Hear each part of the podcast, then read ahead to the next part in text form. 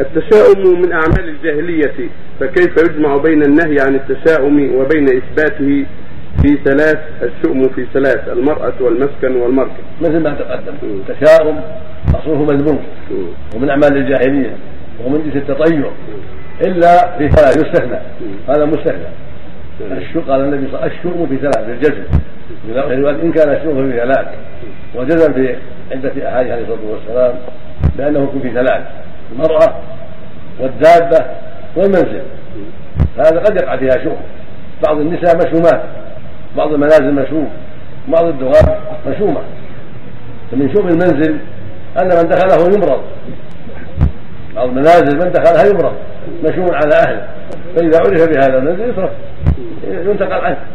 يرجب كذلك بعض الدواب فيها شؤم. من ركبها سقط. تؤذي راكبها المقصود أنها يظهر منها أشياء تؤذي أهلها. بطرح الراكب أو ايذاء هذا الراكب أو ما أشبه ذلك من كثرة دخولها وايذاء هذا الراكب فإذا عرف منها ذلك تركت واستعيض عنها بغيرها واستعمل في شيء آخر مما يستطيع استعمالها أو تذبح ان كانت تؤكل ونحو ذلك. وكذلك المرأة بعض النساء مشوم بسبب سوء خلقها بسبب سوء أعمالها بسبب ضعف دينها إلى أسباب أخرى.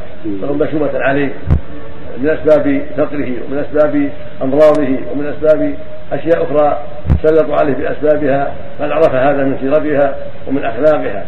فإذا عرف ذلك فطلاقها أولى. هذا ما عند أهل العلم.